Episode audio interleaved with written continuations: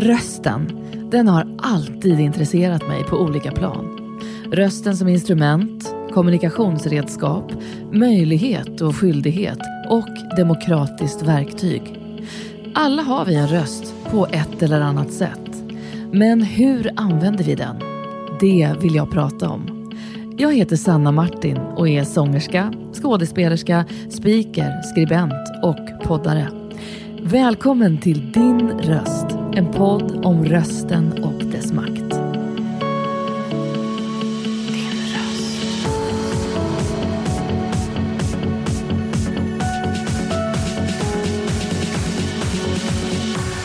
Din röst. Det kommer bli bra. Men då ska vi börja då? Mm. Ja, vad kul. Det är en stor glädje att säga välkommen till min podd, Din röst, Mattias Klum. Tack så hjärtligt.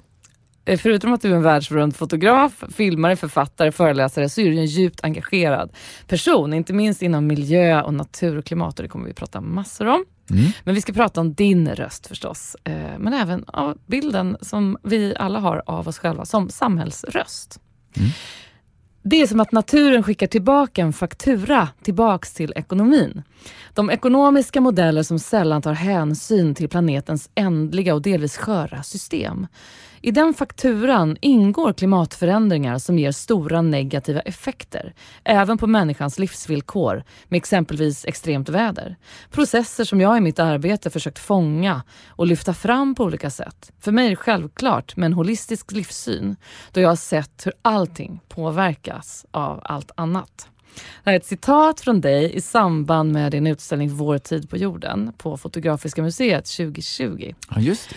Vilket ansvar vilar då på en röst som din, som, ja, även om du uttrycker dig i bild, när du ser så mycket av världen som du faktiskt gör i ditt arbete?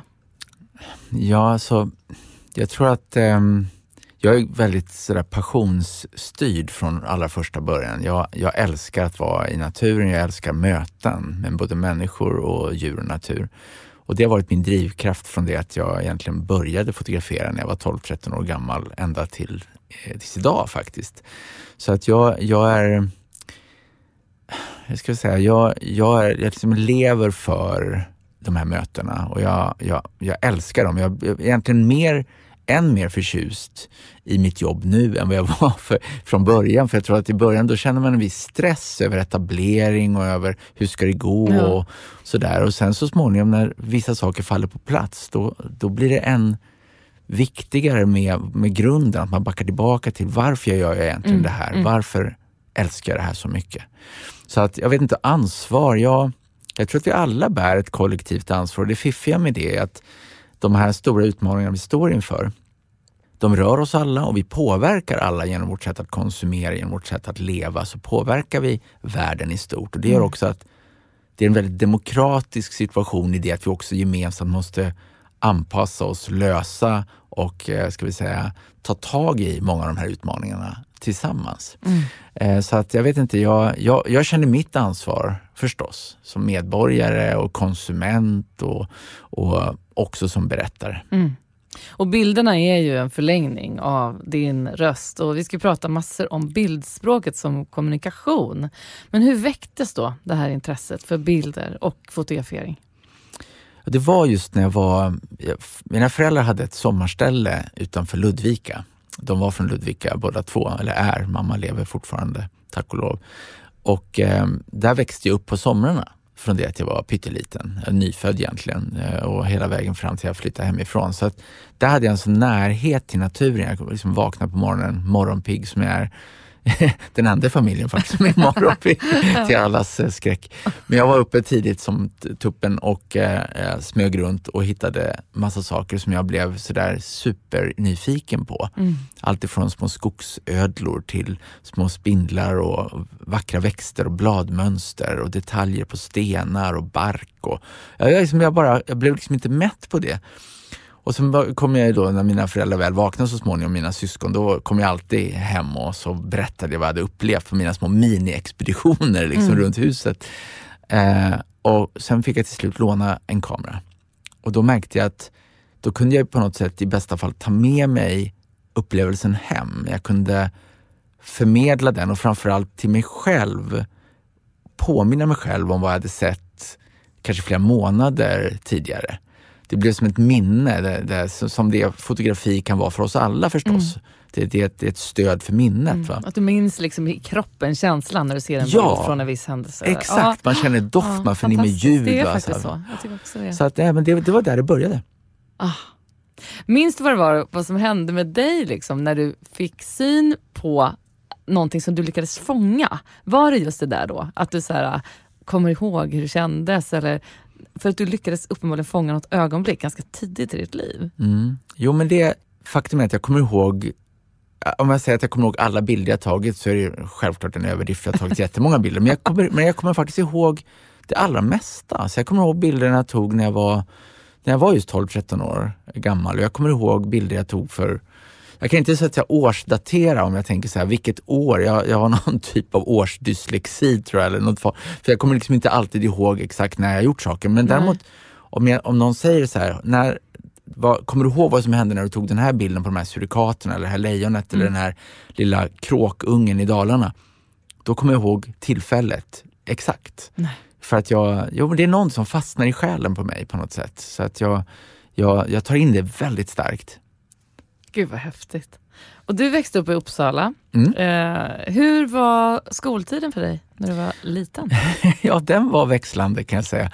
Jag tror att jag, jag var nog eh, ska jag säga, jag var så bara delvis skolmogen eh, genom hela min skolgång egentligen. Jag, jag, de ämnen som jag tyckte om, det vill säga det jag kände att jag, eh, jag blev intresserad och det berodde på, alltså, tror jag faktiskt ofta eh, byggde på eller berodde på hur läraren kunde engagera mig. För jag hade nog, jag var väldigt drömmande tror jag som barn. Så att de ämnen som där jag, där jag kände att ja, men det här är intressant, det här är roligt, då, då gick det bra. Mm. De ämnen där jag inte riktigt, där jag hade möjlighet att bara försvinna ut i min egen värld, då gick bevisligen då mindre bra. Ja, men, ganska eh, vanligt förekommande. Ja, men jag tror att jag var någon liten humanist. Sådär. Att eh, engelska, svenska, språk gick bra, mm. biologi gick bra. Eh, och musik gick bra. Ja. Sådär. Men, men lite kreativitet ma Ja, liksom. mattrelaterade ämnen var lite jobbigare för mig. Mm. Så att, eh, jag var väl ingen lysande student. Eller jag var fläck, fläckvis bra, fläckvis rätt dålig. Men jag läste mig till att du då gick upp till din rektor på gymnasiet ja. och berättade att du vill hoppa av skolan för att börja jobba med fotografi. Eh, och att han liksom stöttade dig. Du måste berätta om det. Ja, men det var faktiskt eh, jättefint. För ah. det var ju inte många som tyckte det var en bra idé förstås. Framförallt Nej. inte mina föräldrar. Nej, precis. Ana det. Ja, Hur det... gammal var du då? Gick du till första, jag... andra året? Någonting? Ja, precis. Det var andra året på, som jag, just det, på Södra Latin på på musiklinjen. Gick du musiklinjen? Ja, jag var, jag, jag, trum, jag var trummis. Är det sant? ja. Vad fräckt. Ja visst, att jag, så att jag hade två jättestora intressen, det är, eller egentligen tre då. Natur, bild och musik. Ah. Och på den tiden eh, så fanns det inte någon gymnasial utbildning i, i film och foto. Nej. Utan däremot fanns det musik. Mm. Och eftersom jag då hade spelat trummor väldigt många år och älskade latin, jazz, eh, funk och så vidare så mm. sökte jag in på fri kvot som det hette. Hade turen att komma in. Wow. Ah. Så att jag gick, ja det var jättekul. Jag hade underbara klasskompisar i Josefin Nilsson och, och Peter Asplund och väldigt fin tid. Men jag hade det var något som drog starkare än det trots allt. Även om jag älskar musik och uh. fortfarande älskar musik. Mm. Det är liksom någonting som jag har i mig också som jag tycker hemskt mycket om. Mm. Så var det ändå fotograferingen som på något vis drog i mig. Så att eh, jag, jag gick just som sagt upp till eh, en jättefin man som då var rektor på den här skolan. Och, eh, jag kände väl en viss ambivalens men, men ändå, jag gick upp och sa att jag måste nog tyvärr sluta skolan för jag måste etablera mig som fotograf. Och då så hade jag förväntat mig att han skulle säga något klokt som då skulle motverka det här, det här, de här känslorna jag hade. Men han sa att, nej men vet du i ditt fall så, jag, vet inte, jag tror inte det var för att han ville bli av med mig, det kändes inte så. Utan han var bara så här, men du verkar fokuserad, du verkar liksom eh, determined eh, och eh, ja, ja, du har nog det här i dig. Jag undrar om inte du ska, jag, jag, jag, tror, på, jag tror på din passion.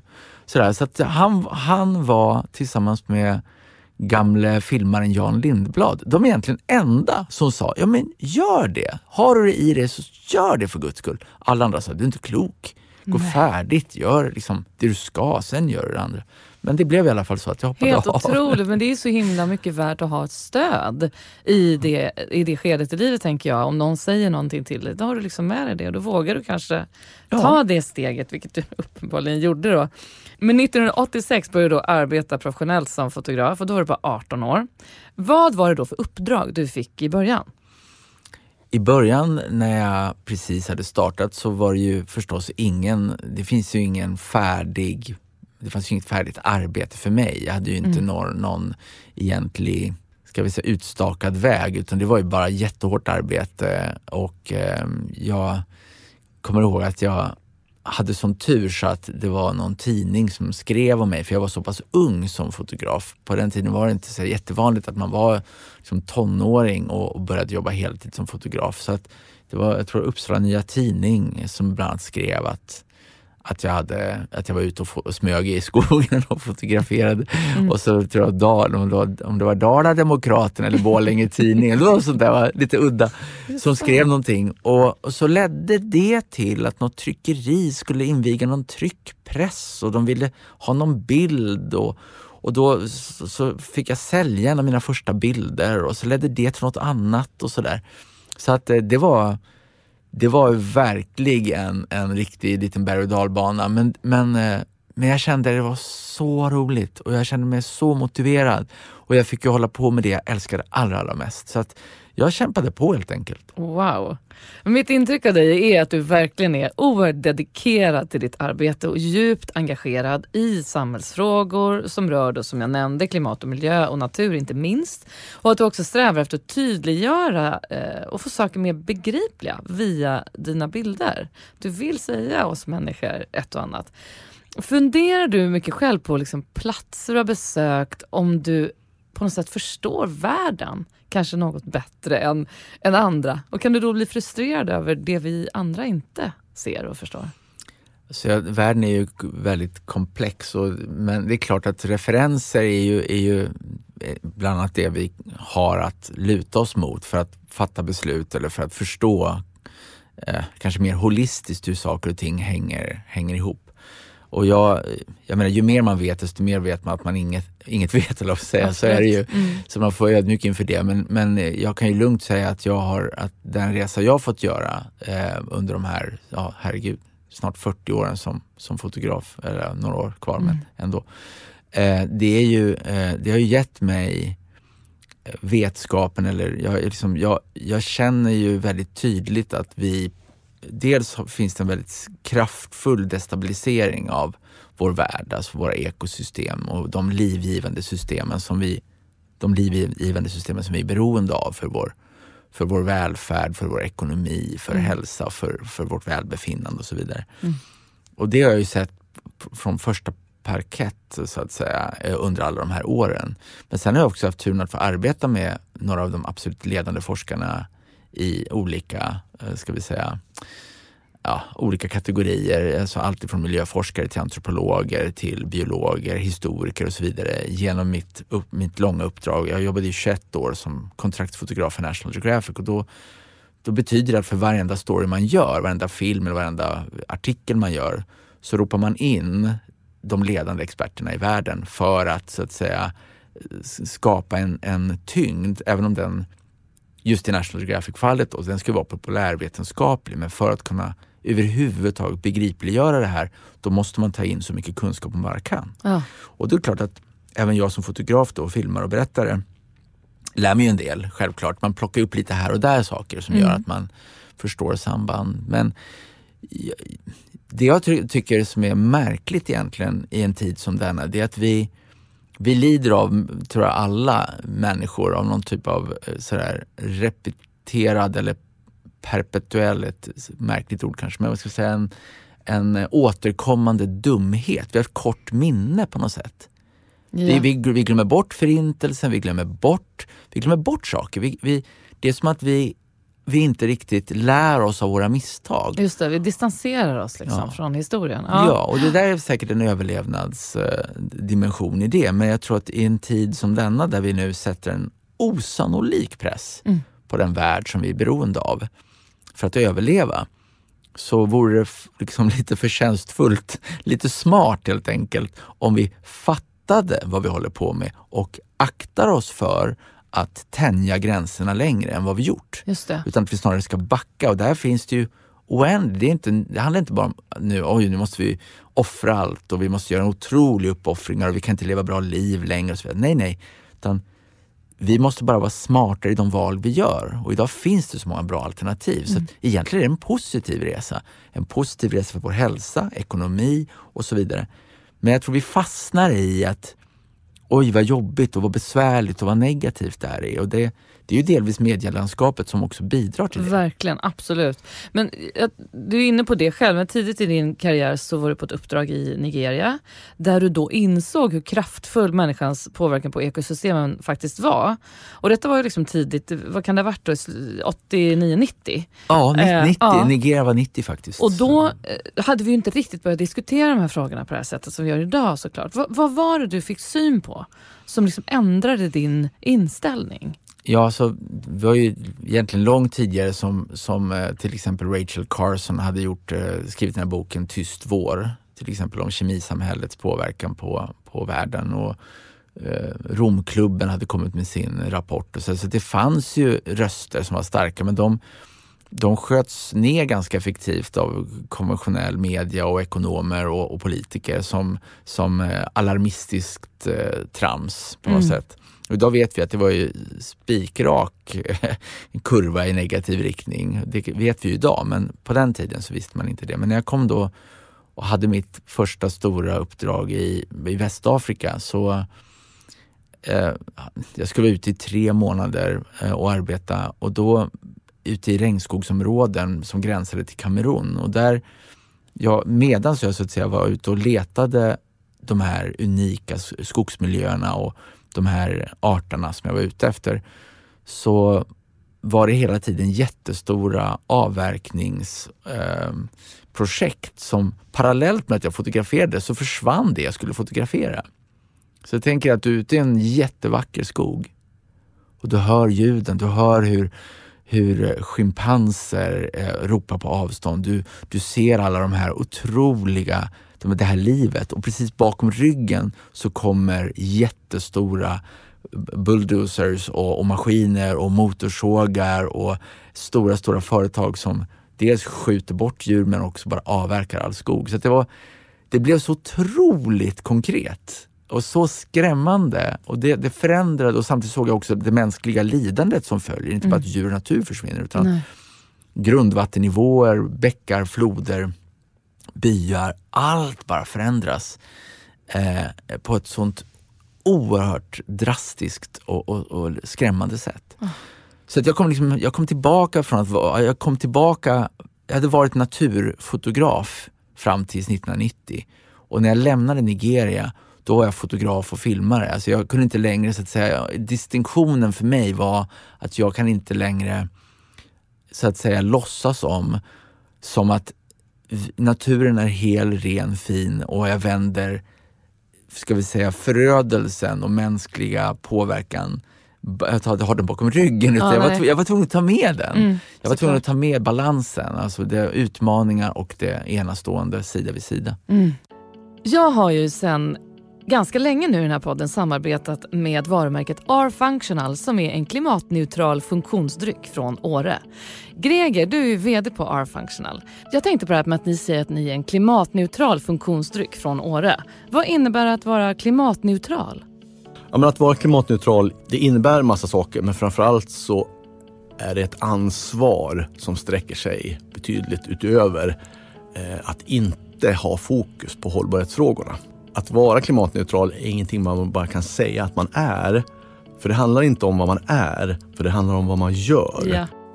Den här podden görs i samarbete med R-Functional, en klimatneutral funktionsdryck från Åre. De vill i allt de företar sig göra det de kan för att ta ansvar för vår miljö och framtiden för vår planet.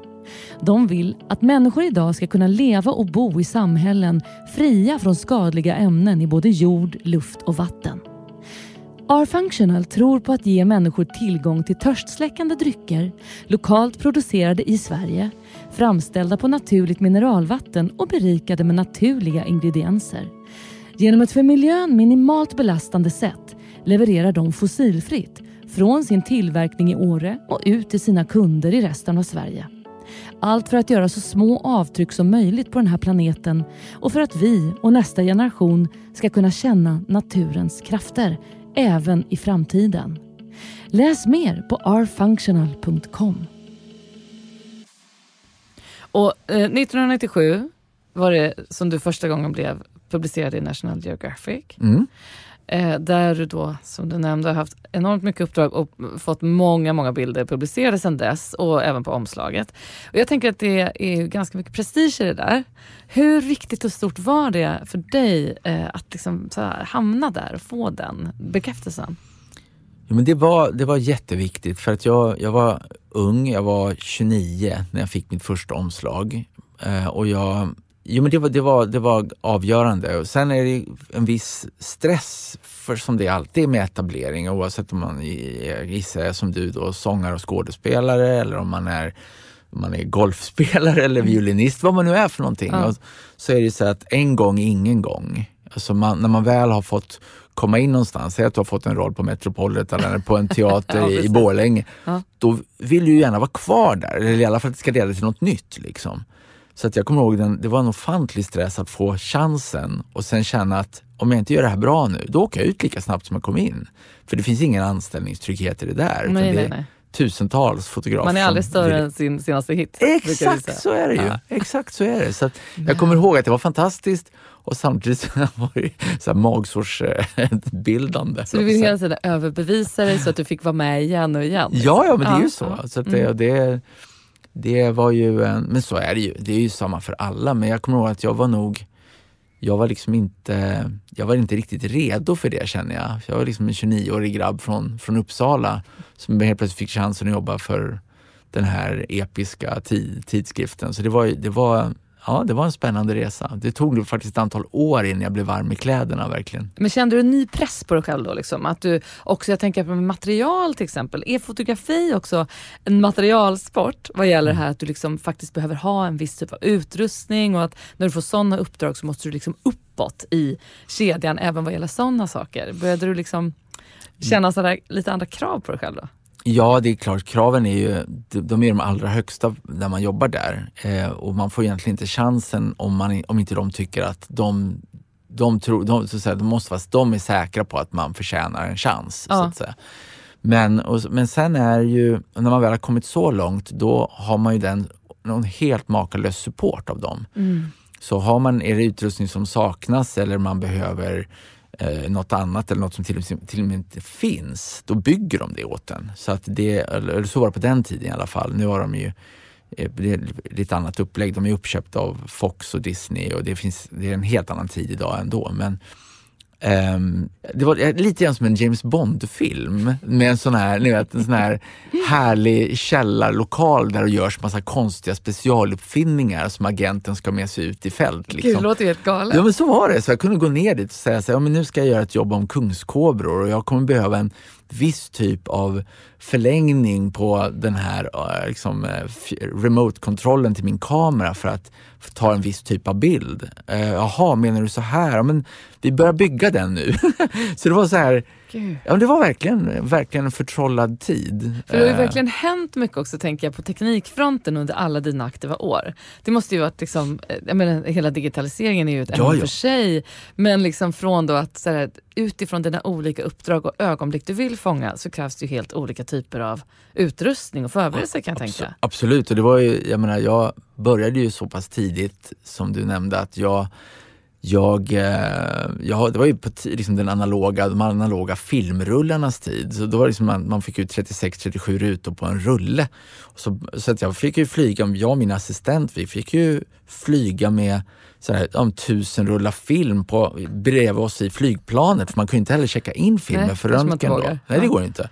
Så det var ju en galen tid. Liksom. Och nu med små minneskort istället, det är lite mer praktiskt. Men fotar du någonting analogt fortfarande? Nej, vet du, det, jag gjorde det en tid. Mm. Men eh, för några år sedan så slutade jag faktiskt med det. Eh, men eh, ibland så kliar det i fingrarna. Men alltså vet du vad jag säger fortfarande?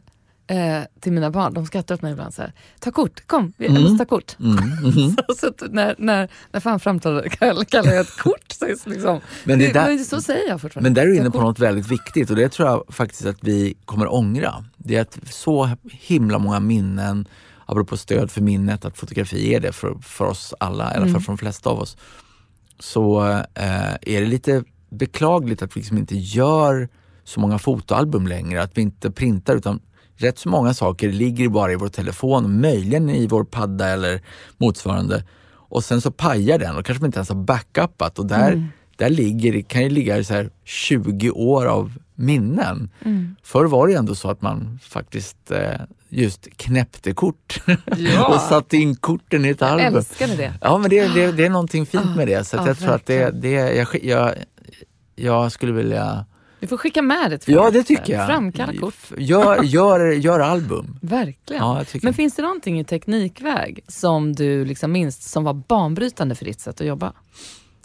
Ja, alltså den, hela den, eh, digital, alltså, den digitala revolutionen den blir ju den blir ban, banbrytande och jag kommer ihåg att jag, det här låter ju verkligen som att jag är 400 år gammal, men jag, jag kommer ihåg att jag gjorde eh, en expedition på Borneo 95-96, 14 månader ut i skogen och då skulle jag göra en eh, film för svensk och tysk TV eh, och då jobbade jag analogt, för video var liksom jättedåligt det som fanns, så jag jobbade Super 16 heter det. Och då har man 10 minuters magasin och så måste man i ett litet laddtält 65 meter upp i, i träden ladda om det här magasinet då med, med film. Och, och, så det var, ju, det var ju ett himla logistiskt helvete faktiskt på ren svenska och få det där funka i fukten Ja. uppe i regnskogstaket Ja, och alla liksom. de aspekterna med väder. Ja, ja. Alltså, Idag så är det ju jätteenkelt om man jämför. Ja. Det, är liksom, det är ju en helt annan sak. Så att det har ju revolutionerat eh, både kvalitativt sett men också liksom, arbetsflödemässigt så är det ju mycket, mycket, mycket enklare faktiskt idag. Mm. Men eh, hur, hur vet du liksom att en bild är bra? Att du har fått det du vill? Du menar när jag tar den? Ja, när du Ja, arbetar. men det, det tycker jag nog att det, det är någon sorts visuell intonation lite grann. Det är som man sjunger eller spelar och man, man, både, man, man känner det liksom i kroppen. Sen kan det ju vara så att om man säger att det är ett jättesnabbt förlopp, man, man följer en gepard som springer eller en fågel som flyger eller någon som, någonting som går fort och man tar en hel sekvens bilder, då kan det ju vara så att man inte är upp, man hinner inte uppfatta exakt hur varje bild blir. Men man, ofta känner man när man har hållit på eh, länge att ja men där satt den. Där, där, jag vet, jag har den i den här sekvensen. Där, för där, där känner jag att där var tajmingen rätt. Och när om det är landskap eller porträtt eller stilleber och så här, då, då vet man alltid, ska jag säga, eh, att ja, men nu är jag hemma. Så man behöver liksom inte ta... Jag kan tänka mig att det är ungefär som att man är kock eh, och känner att ja, men nu, bara lite mer svartpeppar här så är jag hemma med den här såsen. Och sen så bara för säkerhets skull smakar man förstås och så säger man ja, jag är hemma med den här såsen. Gud vad roligt. Så jag tror att det liknar. Du, du, du ska få en fråga av en, jag har ett litet system där sen man får skicka frågor till varandra gäster emellan och du ska faktiskt få två. Oh, Ja, bara för vi bokade om så har du två gäster som Ah, har, spännande. ja, så himla roligt. Nej, men som person är ju jag en sån här som gillar att få saker att hända, att det ska hända snabbt. Men jag tänker att som fotograf så måste man ju ligga där i flera timmar innan man får den perfekta bilden. Särskilt om man är ute i, i, på savannen eller i nat ja, naturen på något sätt. Alltså, hur orkar man vara uthållig och få det där perfekta ögonblicket? Ja, det där var en fråga från Annie Lööf till dig. ja, vad trevligt. Mm. Ja, vad säger du om det? Jag säger att eh, jag, jag, tror det, jag, jag tror just att det här med passion är rätt viktigt där. För att, och, och, eller kärleken till det man gör. För att det gör att man kan lägga alla de där timmarna som faktiskt behövs utan att det är någon speciell, något speciellt stort lidande.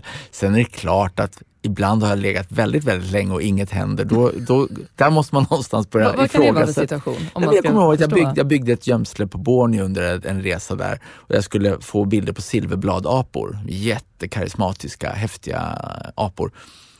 Och eh, jag hade helt enkelt byggt det på fel ställe. De, de ville inte äta de där frukterna som jag hade i det trädet, vid det trädet jag hade byggt det här gömslet. Så att det gick åt pipan. De dök aldrig upp efter, fast jag satt där i tre och en halv vecka i det här gömslet och väntade. Så det blev inte en enda apa. Va? Inte en enda. Jag fick någon annan, jag fick någon näshornsfågel, jag fick något annat. Sådär. Och där bör man då är man ändå så att jag är ju, jag är ju inte hobbyist så att säga. Så att jag har ju krav på mig att jag, jag måste leverera per dag helst för att jag ska kunna rättfärdiga tiden för National Geographic på plats. Ja. Så att efter tre och en halv vecka känner man ju en osannolik stress över att man är helt misslyckad. Alltså, Gud vad högt. men, men om jag svarar, svarar på, på Annis fråga så jag tror att, jag tror att det, det är det här fascinationen, det händer alltid något annat vid sidan av i allmänhet och sen eh, blir man bättre och bättre på att veta att ja, men det här kommer nog ge utdelning och blir det mm. inte det så blir det något annat. Och, och det gör att väntan är inte jobbig eller väntan blir på något vis konstruktiv och den är faktiskt också, vilket kanske är det finaste av allt, den är meditativ. Den det, är, är det, det kan jag ana. Det ah, är okay. så härligt alltså. För man, man, man hinner ju fundera, man hinner lyssna på naturen, man hinner lyssna på sitt eget hjärta, man hinner, man hinner med saker. Så att jag, jag gillar nog det där faktiskt. Wow! Jag tänker också när jag har läst på lite om dig och kollat på dina bilder, för det, det är ju ett, ett, din fröjd och också rörande ofta tycker jag att följa dig på Instagram. Mm. Alltså oerhört, det är en skatt liksom. Och, och sen berättar du ju ja, mycket om eh, Tack. platser. Så det, mm. Eh, om någon inte gör det så måste ni börja göra det direkt. Men då är min känsla då att du verkar väldigt orädd, som vågar vara i miljöer där det kanske inte bara är så superkul att hänga. Typ det här med djur, kanske inte bara är kul rakt av. Eh, då tänker jag bara, har du inte känt dig nojig eh, ibland i mötet med djur och eventuella möten med djur och kanske helt ofrivilliga möten med djur. Har, vad har hänt där och hur tänker du kring det? Men, men med nojig menar du att det skulle vara läskigt på något ja, sätt? Ja, skitläskigt. Eller? Jaha, nej, nej, nej. nej alltså, jag tror att eh, ja, om man är lagd åt det hållet att man tycker djur är läskiga, då, då är det klart att, men då tror jag inte jag hade valt det jobbet. Men, tror du inte, tycker du inte något djur är läskigt? Eh, Nej, människor kan vara läskiga, tycker mm. jag ibland. Alltså för att vi, vi, kan vara, vi kan vara olyckliga, påtända, vi kan vara, vi kan vara på alla möjliga sätt och vi har en sån liksom, beteendeflora. menar, ja. Bara för att förklara vad jag menar. Så här. Om du tittar på en, en huggorm till exempel. Ja, den, är ju, den har liksom en ganska begränsad beteenderepertoar. Du kan ganska snabbt, om du kan någonting om ormar, se att ja, men, nu är den stressad eller nu är den lugn eller den är mätt eller den ömsar skinn. Eller den, det är inte jätte, jätte, jätte avancerat egentligen så fort du har lärt dig hur ormar funkar. Just Nej. till exempel huggormar. Mm. Medan vi människor, vi kan ju spela spel, vi kan, vi kan, eh, vi kan mörka saker, vi kan ljuga. Vi, vi har ju så många lager. Mm. Va? Och utanpå det kan det komma eh, missbruk, det kan komma eh, neuroser, det kan komma eh, trauman. Det, kan, det finns så många saker. Så jag ska säga att det, det finns, även om jag älskar möten med människor, och jag älskar människor generellt, så är det det, svår, det svåraste djuret inom citationstecken, även om vi nu är djur, så, så eh, att faktiskt tyda. De andra djuren är lättare. Gud vad coolt, jag förstår. Men om du tänker tillbaka, har du något särskilt så här djurögonblick där du var nära någonting som börjar känna att det slår liksom allt? Eller? När du höll på att gå åt helvete menar du? Nej, eller, eller, tvärtom. Eller, ja, Vilket du vill. Bra. Antingen gått dåligt eller bra. Berätta allt. ja, nej, men det har oftast gått bra. Men mm. sen är det klart att det är så många möten som, eh, som jag tycker om och som eh, jag, jag, jag älskar verkligen möten. Och det, mm. om jag har en god egenskap så är det nog att jag faktiskt inte har lyckats bli blasé.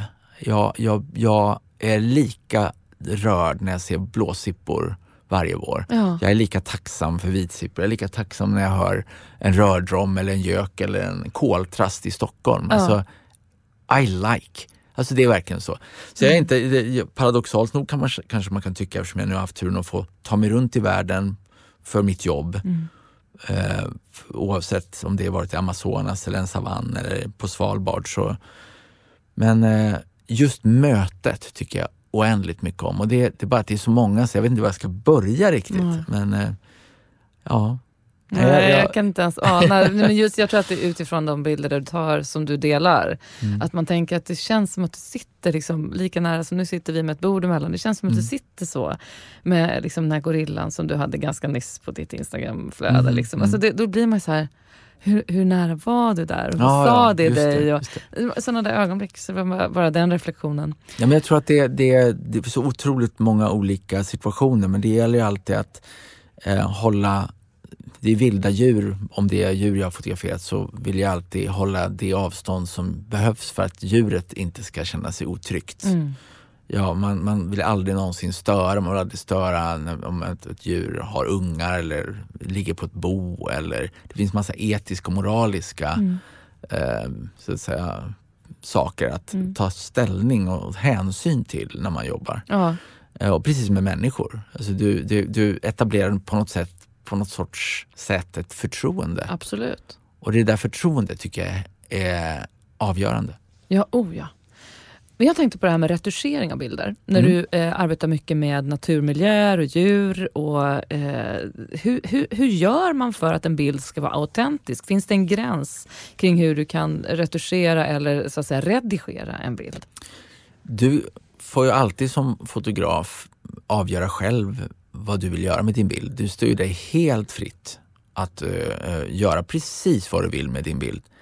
Men allt hänger på vem, eller om du säger, jobbar yrkesmässigt, och vem du jobbar för. Om du arbetar till exempel för National Geographic, då, är, då finns det regler. Både din, då har du egna regler men så har de också regler. Så de har gemensamma regler. Och där, det, är en, det är en dokumentärvärld. Det vill säga där förväntar de sig att det du har gjort finns på riktigt, såg ut sådär och där flyttar man inte på någonting, man ändrar ingenting, man suddar inte ut något eller tar bort något eller flyttar något utan det är superviktigt med autenticiteten. Ja. Där ligger trovärdigheten i, i den världen. Eh, och det är samma sak i många fototävlingar. Det, det är så det ska gå till där. Men om du säger att du är fotokonstnär eh, och du jobbar med något helt annat. Du jobbar med att eh, det, där, där kan du göra vad du vill. Du kan ju lägga ihop 400 bilder till en enda bild och säga bara att det här är en dröm jag hade igår kväll. And that's fine. Så det, allt hänger på din kontext och i vilken värld du verkar. Just det, förstår. Men du, efter decennier av fotograferande och berättande och skapande och en, den här bildskatten som figurerar över stora delar av världen. Eh, vad känner du att du fortfarande drivs av? Jag drivs av ehm, eh, viljan att dela beröring tror jag faktiskt. Jag, jag tror att, och inte minst med tanke på att vi lever i en tid där vi just förändrar så mycket och, och sätter som press på vår vackra, eh, makalösa värld och planet. Så tror jag på att bild, film, musik, teater, kultur har en viktig berättelsen har en, eh, har en viktig plats i att överbrygga glappet mellan vår fantastiska mänskliga hjärna och vårt fina emotionella varma hjärta. Och där IQ, EQ om man så vill. Just det. Och det, det är, är, tycker jag är fint. Jag tycker det, det är en av anledningarna till att jag gör det jag gör. Så att säga att jag försöker så att dela beröringen, eh, dela det jag har själv upplevt, positivt eller negativt, dela det på, på mitt sätt. Ja. Och därigenom förhoppningsvis bidra till att, ja, att det finns en annan kanske medvetenhet ibland kring vissa frågor. Just det. Och du har ju sett enormt mycket platser eh, runt om i världen. Eh, många kanske drömmer om att få se en del av dem, men sen så kanske du har varit på ställen som man liksom inte vill, vill uppleva, vad vet jag. Men, men vilka platser skulle du säga har gjort ett speciellt intryck hos dig, eller har en speciell plats hos dig? Ehm, det är så många. Så det, det är nog samma sak som med de här, alla djur och alla möten med människor. Alltså det, jag har svårt nästan att utse några favoriter. För jag tycker det, det fina och det makalösa och det, det rörande finns överallt liksom på något sätt. Så att jag, nej, det där tycker jag är knepigt. Däremot kan jag säga var, var det har varit mest jobbigt att vara av olika anledningar. För att jag har varit jättesjuk, blivit jättesjuk i någon tropisk sjukdom eller råkat ut för, liksom hamnat i trubbel verkligen. Det, det etsar sig ju liksom fast. Ja, det är klart. Men i övrigt så jag ju tycker jag att, att det, den här magin liksom finns i vardagen överallt mm. eh, på något sätt.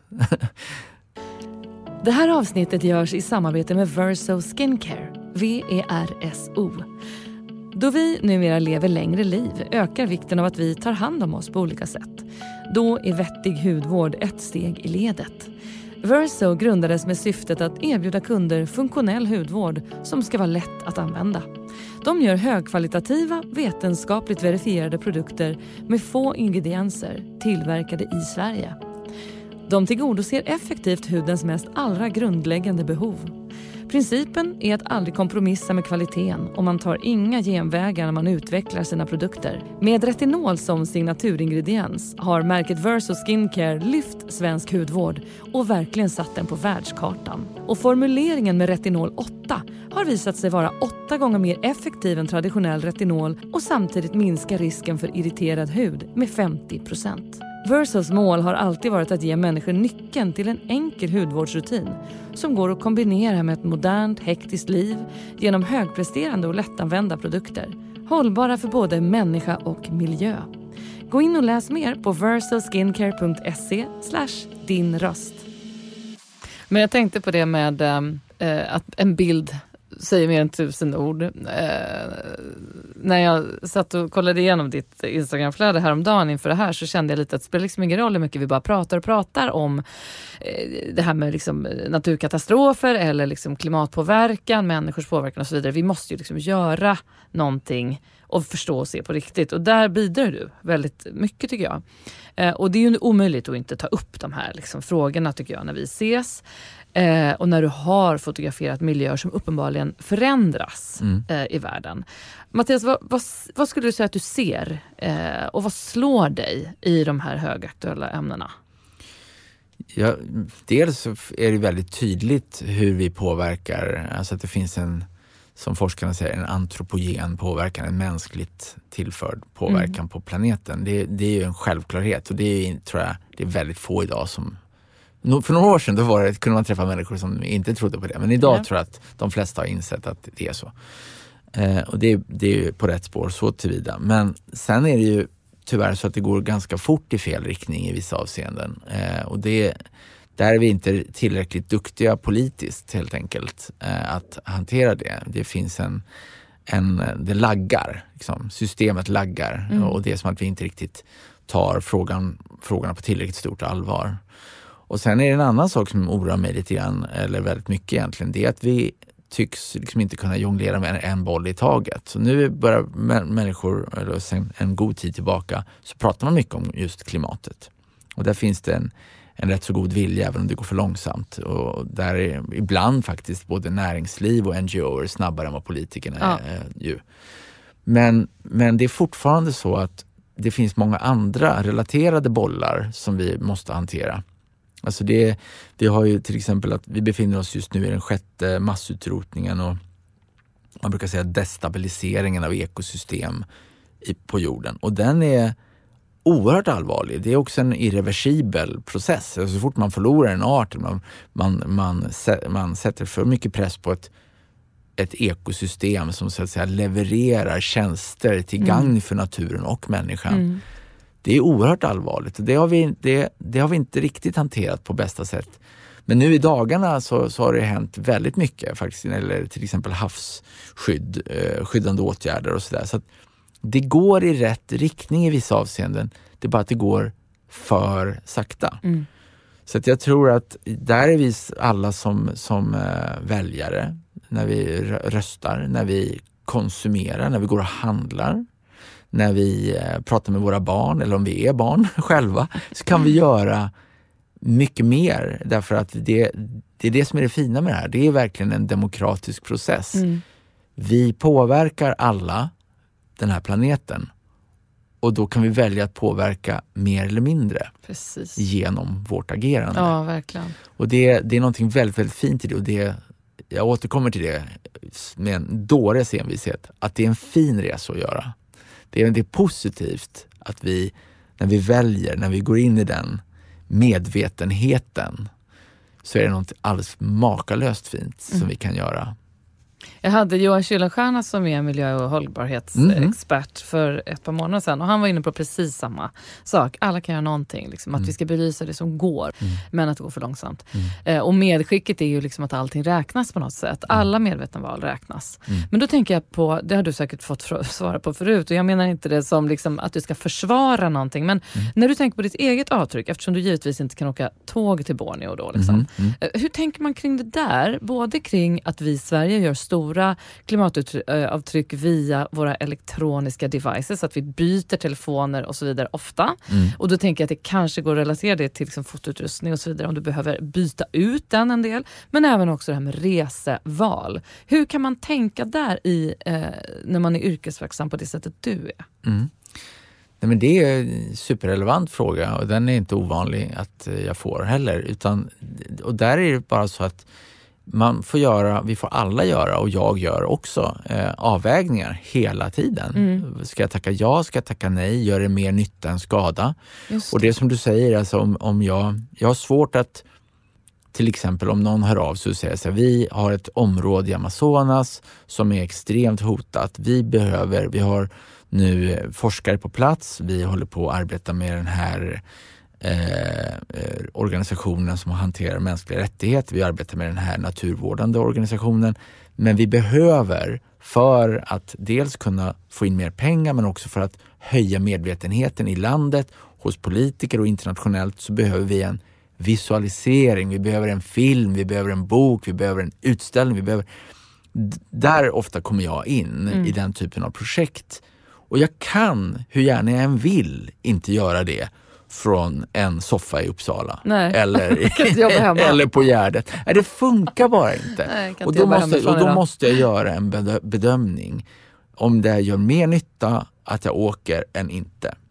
Så att eh, jag, jag är all for hemesters och så vidare. Mm. Men jobbet jag måste göra eh, gör att jag behöver ta mig till platser. Eh, och sen kan jag då försöka kompensera så gott jag kan på andra sätt. Till exempel, jag äter ju aldrig rött kött, jag äter inte kött överhuvudtaget, jag äter inte fågel. Jag eh, kör en elbil i den mån jag kör, jag åker tåg. Jag, liksom, jag, jag försöker göra så mycket jag bara kan i mitt liv eh, för att kompensera på andra sätt. Ja. Så att eh, jag, jag, och de, den resan är ju pågående och det förändras hela tiden. Så man Ja. kan, jag tror att man måste, vara lite upp, man måste uppdatera sig själv. Det är som någon typ av, det låter det är som ett tråkigt ord, men det är som en livsrevision som man måste liksom gå igenom hela tiden och tänka så här, hur ska jag göra nu Mm. för att inte ha ett tyngre avtryck eller större avtryck? Och, och alltså många, många gånger så är det faktiskt gynnsamt både för ekonomi och hälsa att vi går igenom den där processen. Just det. Jag tänkte på när du sa tidigare, det här med olika miljöer som du ser förändras. Så b- är det så att det behövs strängare regler i en del länder kring vad du får göra och inte? Jag, jag läste att du hade varit i det här Raya Ampat, säger man va? Ja. I Indonesien, eh, en, em, ett distrikt eller ett område där man har väldigt, väldigt stränga regler kring fiske. Ja. Eh, vill, tänker du mycket på det på andra platser? Liksom att så här borde de ha en annan typ av, ett annat typ av regelverk? Eller hur skulle vi kunna förbättra i en del regioner? Jo, men det tror jag. Jag tror att det, det, det inte minst i Sverige skulle behövas färre rekommendationer när det gäller det här och fler regler faktiskt. just det. Och det är väldigt kontroversiellt att säga, men det säger jag här nu. Därför jag tycker att det är verkligen sant. Mm. Vi, vi, har rätt, vi har råd att göra rätt eh, och vi är för slappa. Mm. och lite för slöa i det här. Och, med all respekt för det som görs. Mm. Men, men eh, vi är inte bäst i världen på många saker Nej. och vi har råd att vara vi har ett oförtjänt gott rykte skulle jag vilja påstå. Ja, Och vi, vi har all möjlighet att ha fler MPAs, Marine Protected Areas. Vi skulle ha kunnat ha ett större skogsskydd. Vi skulle ha ett bättre rovdjursskydd. Vi skulle ha ett bättre biodiversitetsskydd. Vi skulle ha ett bättre skydd för samer. Vi skulle ha, det finns många saker vi kan jobba på. Eh, och där andra länder, jag kommer så roligt, jag, var jobbade, jag har jobbat jättemycket i Indien med tigrar och allt möjligt. Det var en indisk forskare som, som var så förundrad över vargfrågan och rovdjursfrågan i Sverige. Han frågade om vi var rädda för rävar också, för att han fattade liksom inte logiken i ett land där de har liksom 1,4 miljarder människor.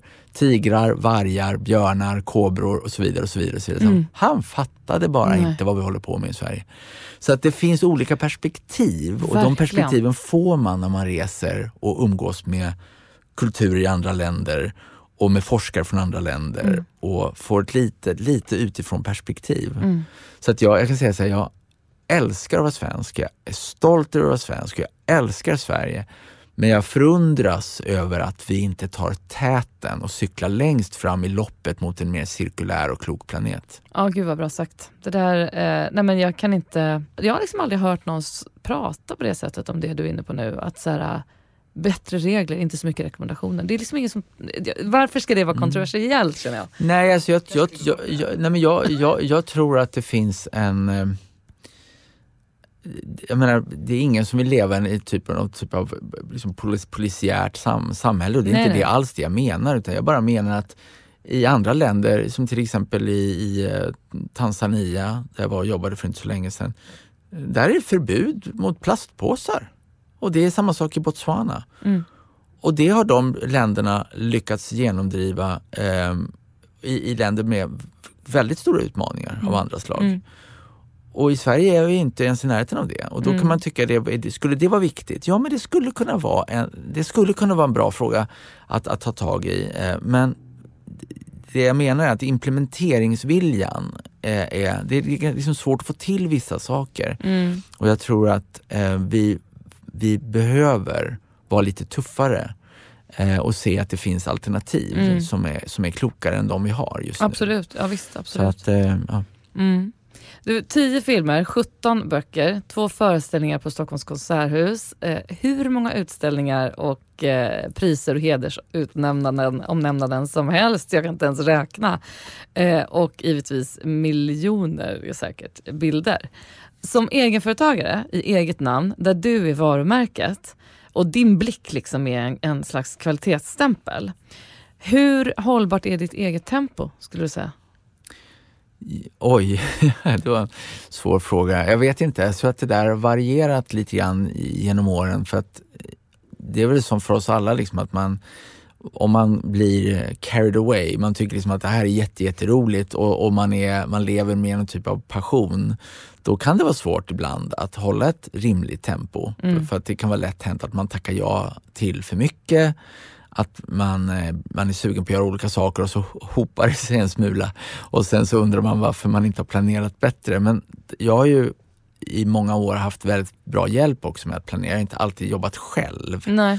Utan även om jag kanske har det som mitt namn är väl på något sätt ett som du säger, något typ av, blir, det blir ju så att om man har sitt namn som varumärke Mm. så, så blir det ju en, en eh, identifiering kring det. Men jag, jag tror att ja, jag, jag har nog blivit, med, jag har blivit klokare på att, eh, att tacka nej till saker så där jag känner att det inte finns någon större kanske, eh, kanske trovärdighet eller att det inte känns som att, att jag kommer göra det rättvisa. Så någonstans lär man ju känna sig själv och de begränsningar man själv har. Mm.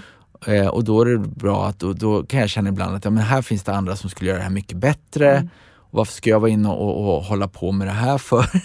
När jag inte kanske känner att det här är jag, 100 procent. Så att eh, jag vet inte, jag, jag, jag tror att jag är bättre på att tacka nej till saker nu än Mm. vad jag var för 25 år sedan. Just det. Men vad ligger framför dig nu? Eh, närmst? Vad, vad händer för dig här? Nu håller jag på, dels kommer jag hålla en del föreläsningar, mest i slutna föreläsningar för olika företag och stiftelser och sen ska jag jobba för en stiftelse eh, med ett hållbarhetsprojekt eh, i Ecuador här i eh, månadsskiftet april-maj. Ehm, och sen så arbetar jag med ja, en ny bok och jag arbetar med alla möjliga saker Mm. sådär, som, som är på, i pipeline. Mm. Och vissa är lite kortare tidshorisont sådär, Mm. och andra är under flera år egentligen. Ja. Så att eh, det, är, all- det är allt möjligt faktiskt som sker. Vad, längtar du efter något speciellt eller drömmer om något särskilt uppdrag sådär, som du vill eh, genomföra? Jag ser väldigt mycket fram emot att arbeta mer här i Sverige. För jag, jag har rest under mina år för National Geographic inte minst så mycket till andra platser. Och jag, jag ville väldigt gärna, jag sa det ofta till dem också, att jag ville väldigt gärna göra saker i Sverige. Men det sa, ja, det förstår att du vill vara hemma mer men nu ska du till Panama och så måste du göra det här. Och så. Ja. Så att jag, jag, jag tycker väldigt mycket om att gräva där jag står Mm. så att säga. Och jag, det finns så oändligt mycket fint i det här landet som förtjänar eh, att berättas om och Mm. som förtjänar sk- bättre skydd och bättre förståelse. Eh, och Alltså, det, det finns så mycket i det lilla som jag tycker är, är absolut magiskt. Ja. Så att det, ja, men, ja. Du har gjort massa samarbeten också. Jag hade Nils Landgren här innan jul Mm. som gäst och han berättade att ni hade ju samarbetat i Funk for Lives eh, projekt i Kenya. Just det! Men Det hur var stämmer. det? Vad, då, då, fick ni igång ungdomar där och fick de börja spela brassinstrument? Ja, men det var fantastiskt. Det, vi, eh, Nisse och jag är gamla kompisar och han jag älskar Nisse. Han är Ja, en men enastående Bäst. man och musiker. Mm. Alltså fan, fan, fantastisk person. Mm. Men, men eh, då, Stort då, engagemang. Ja, i- otroligt ja. engagemang. otroligt. Alltså. Och en eh, ja, makalös musiker. Och då hade han en idé om att göra det här projektet Funk for Life i eh, ett område som heter Kibera. Ja. Och det är ett, apropå utmaningar, ett väldigt stort, en stor utmaning. Det är över en miljon människor som lever eh, långt under existensminimum på en soptipp kan man säga. Mm. Och eh, tanken var då att ta in musiken som en, en komponent som skulle i samarbete med Läkare Utan Gränser skapa ska vi säga, en positivitet och en teamkänsla och en, en, någonting att leva för i det här området och samtidigt generera pengar till sjukvård. Eh, och, så det, det byggdes en stor scen inne, mitt inne i det här området. Mm. Och eh, mitt, eh, mitt uppdrag då det var att göra en liten film eller musik, musikvideo eh, eh, med, med Funk Unit och Nisse Landgren. Eh, och då till förmån för eh, Läkare Utan Gränser. Mm. Och inte minst förstås människorna i Kibera. Mm. Ja, otroligt. Du, det var ju nyligen, eller ganska nyligen, val i det här landet. Och jag Mm. frågar alla mina gäster, vad gör ett val, ett riksdagsval eller ett valår med dig? Blir du engagerad, intresserad eller avmätt? Eller hur, hur tänker du?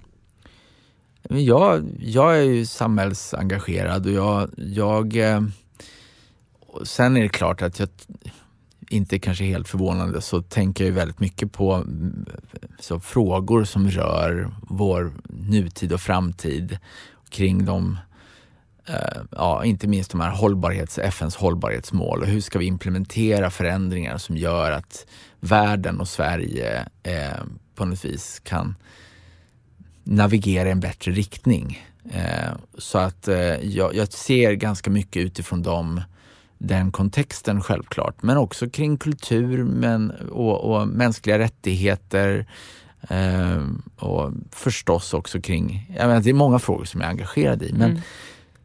ja, men jag, jag, jag, jag, blir lite så här, jag blir också förundrad för jag tycker att det finns frågor som är på något sätt, apropå, jag tror vi pratade om det i början av samtalet, men att det finns det finns ju saker som man tycker är så självklara att vi borde någonstans redan ha snappat. Det borde vara en hygienfaktor att vi alla på något vis tänker att ja, men, så gör man och så där gör man inte. Ja. Och det där har vi ju redan upplevt i världshistorien och det, dit vill vi ju inte igen. Och så, oh, men det är bättre att vi har rent friskt vatten än att vi har skitigt vatten. Det är bättre att vi har en levande miljö till våra barn i framtiden än att vi har en död miljö. Ah, Eller som Petter Stordalen har på, han skriver på sitt visitkort. There is no business on a dead planet. Va? Nej. Så det gäller ju alla. Det, det, funkar bara inte. mm.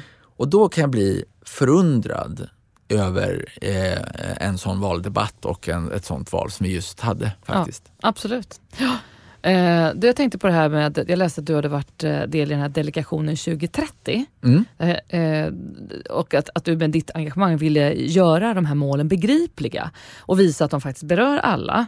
Och eh, Delegationen skulle arbeta med konkreta mål fram till 2019. Hur landade det där och vad, vad har hänt med, med det arbetet ni utförde nu?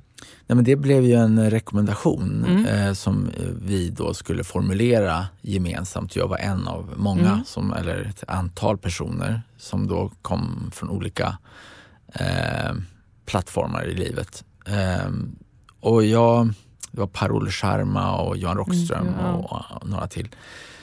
Eh, och det blev ju till slut ett dokument som, som eh, presenterades Mm. och som ligger till grund för implementerings, eh, ska vi säga, implementeringen av de här hållbarhetsmålen Mm. i Sverige. Mm.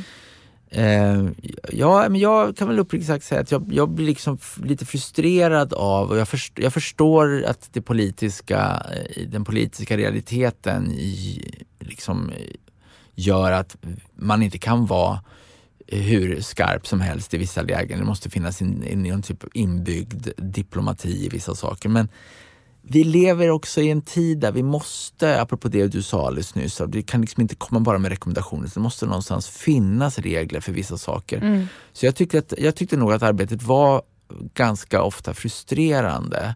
För att eh, jag har ju den, liksom en internationell erfarenhet av att jo, men i det landet gör man så, i det landet yeah. gör man så. Varför kan inte vi då säga att ja, men, här gäller det att sätta punkt, här gäller det att dra väldigt tydliga riktlinjer. Det mm. här mm. funkar, det här funkar inte. Nej.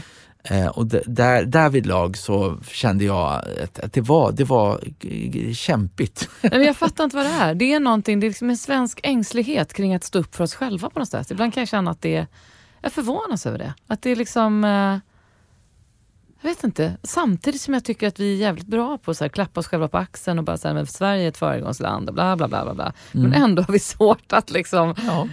Ja, anamma regler som ska vara till gagn för oss själva här. Ja, men alltså, alltså, självbilden, är, självbilden är ju, är ju besynnerligt god. Och, och ja, det måste man ju säga. Och jag menar, tittar man på sport och det svenska, liksom både, både eh, Ruben Östlund eller på musik och på annat och på, mm. på Franzén och på, det finns massor av bra exempel på att Sverige är bland de bästa, vi är bland de bästa i världen. Mm. Men då tycker jag ju någonstans att det skulle vara klädsamt om vi faktiskt eh, sopade vid egen dörr när det gäller vår unika miljö och ja. vår globala påverkan på mm. miljön.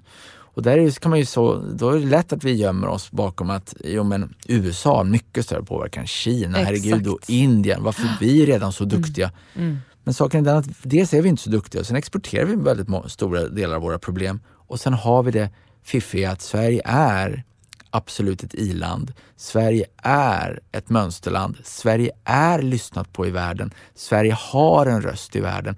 Sverige är ett land som människor ser upp till. Varför då inte sätta på sig ledartröjan, vifta med svenska fanan och cykla längst fram och visa jävlar anamma, så här gör vi för, för ett cirkulärt, kraftfullt eh, liksom, eh, samhälle som fungerar där kvinnor och män nya svenskar och så vidare fungerar i en helhet. Tänk vad fint det vore. Amen på den. Ja, håller med. Du ska få en fråga till av en gäst som jag träffade oh. precis innan mm. jul. Jag ska berätta snart vem det är. Mattias, eh, jag tänker att eh, du är ju otroligt duktig och det är så fascinerande att följa dig i ditt bildberättande. Jag ser ju ditt arbete som eh, skapande av berättelser genom bilden. Eh, men jag undrar faktiskt, eh, vad läser du för böcker och vad har du för boktips till unga män? Gud, vilken bra fråga. Den skickar vi med. Det här var en fråga från Frida Edman som är general för Bokmässan i Göteborg. Oh, vad fint. Vilken bra fråga. Ja, alltså jag... Ehm det finns är flera böcker som jag skulle vilja rekommendera eh, som läsning. Det finns ju så många, alltså, jag, gillar, jag gillar ju, dels gillar jag att läsa lite läskiga böcker sådär, som, som eh, när jag bara skönlitterärt sådär. Men sen tycker jag förstås, jag läser en del förstås också fack, faktaböcker som jag behöver för att fylla på kunskap kring olika arter eller ekosystem eller kring hållbarhet, klimat och så vidare. Så att en bok som jag skulle vilja eh, rekommendera, det är en bok som heter 10 billion. Det är en ganska kort bok. Den är eh, rätt den är så att säga lättläst men budskapet är väldigt tufft. Den, den är eh, eh otroligt bra. Jag måste tyvärr återkomma om vem som har skrivit den. det, det har försvunnit i min eh, malaria-hjärna. Men, men, men 10 billion heter den. Eh, jättebra. Just nu har det undflytt mig vad författaren heter. Det är ju pinsamt alltså. Jag kommer på det när vi har stängt av. Ja, så är det ju alltid. Eh, men, men eh, sen så Sen måste jag faktiskt måste jag också säga att jag, jag tycker otroligt mycket om lyrik. Och jag tycker svensk lyrik är, framförallt när jag varit utomlands mycket, Eh, om jag sitter någonstans i, och, och häckar i någon, någon urskog eller på någon savann eller på något isflak så älskar jag svensk lyrik. Och jag, jag, är, jag är nog en romantiker därvidlag. Alltså jag tycker om de här gamla de här gamla beskrivningarna, till exempel Dan Andersson. Eh, när han, eh, som, som, han berättar om, om skogarna och gungflyn, eh, mossarna i Dalarna. Och, alltså det är så vackert och mm. det är mm. så rörande och det är så makalöst fint tycker jag. Så att äh, jag, jag, jag är nog lite allätare så faktiskt. Eh, sen är jag periodare, för att i vissa, vissa månader läser jag absolut ingenting. Mm. För då är jag mitt uppe i någonting annat. Så att jag, eh, ja, så är det. Mm, fattar. Bra mm. tips. Mm. Du har ju eh, två ganska stora barn. Ja. Eh, vad skulle du säga att du vill att de får med sig från dig ut i livet? Ja, jag skulle nog vilja, de är nog på god väg faktiskt. Uh, att de, de, är redan, tycker jag, kloka och vettiga. I, i, det är så fint det där när barn växer upp och uh, man känner att de har en massa klokskap som man delvis själv saknar. Mm. Uh, man är som barn till sina barn på något märkligt sätt. Mm. och samtidigt så är jag ju deras pappa och kan ge vissa goda råd förstås och sådär. Men jag tänker att att, att det mesta är möjligt tycker jag är fint. Ja. Och att om man, man eh, eh, jag, för jag växte upp med att man kan känna en viss, vissa krav, alltså att man ska göra på ett visst sätt för att det ska vara accepterat eller alltså väldigt akademiskt sådär. Mm. Och jag bröt mig loss själv från det, men det är lätt att man upprepar det där som förälder och ja. man tänker så där ska jag aldrig bli. Och så här. Jag växte upp med en, underbara föräldrar verkligen och det var jättemycket kärlek och sådär. Men det fanns ändå en, det fanns liksom en, en, en, eh, ett recept för hur saker och ting någonstans ska gå till. Och det är ju också för att man bryr sig. Man vill att ens barn ska få, det ska vara säkert, mm. det ska vara mm. välfungerande, det ska passa in och så vidare. Och jag som sagt var ju någon typ av svart får, så jag, jag gjorde ju inte enligt den mallen. Men nu hör jag mig själv säga till mina pojkar som är 18 och 21 att ja, men ni borde nog göra det här och så borde ni göra det här. Och så, men då är det så underbart för då lägger de händerna på mina armar och så säger de, älskade pappa, med all kärlek, vi strävar inte efter att bli som du eller vara som du. men, då säger, men och det är jäkligt bra, va? Ja, det. för det är inte att de inte, jag vet att de älskar mig och jag vet mm. att, de, att det finns saker de verkligen tycker är bra, som jag har gjort och sådär. Utan det är bara det att det, det, visar att de har en egen agenda, eget gry, egen, egen eh, ska vi säga, kraft. Mm. Så jag är tacksam för det och jag tror att så länge de har det och man bara står lite i bakgrunden och finns där när de om och när de behöver en. Mm, så, det, så, så vill jag se det. Ja, bra. Du, om du fick vara minister, vilken minister skulle du vara och vad skulle du välja att ta tag i direkt? Jag skulle vilja vara miljöminister och så skulle jag ha ett oerhört nära samarbete med statsministern och finansministern. För det går inte annars att implementera de förändringar som krävs. Det går inte att se en miljöminister som en CSR-avdelning. Utan det krävs liksom att den ligger tvärs igenom hela organisationen som, som ett jättestarkt fundament. Ja. Shit vilket bra svar. Exakt så ska det vara. Hur vill du helst använda din röst framöver? Ja, men ungefär som jag har gjort hittills. Alltså jag, jag försöker att bidra till eh, någon typ av medvetandeförändring eller medvetandehöjande process så gott jag kan i, i stort som smått. Mm. Eh, verkligen. Och göra det så ärligt och eh, med hjärtat som jag bara kan och i samverkan ska jag säga med andra. Jag, jag, ju, jag ser mig själv som ett litet verktyg i en jättestor verktygslåda. Mm. Och, så att utan, att utan att jobba med dig till exempel, utan att arbeta med en sån som Nisse Landgren eller med en tv-kanal mm. eller med fotografiska, ja då når jag inte ut med det jag behöver berätta. Nej. Så för mig är det, eh, samverkan är otroligt viktigt och det tror jag gäller generellt om vi ska om vi ska lösa många av de utmaningar vi står mm, inför. Definitivt, det tror jag också.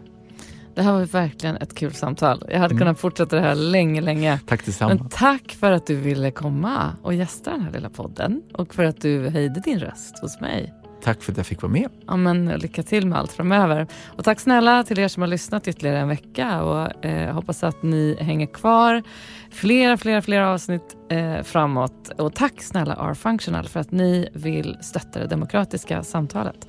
Vi hörs!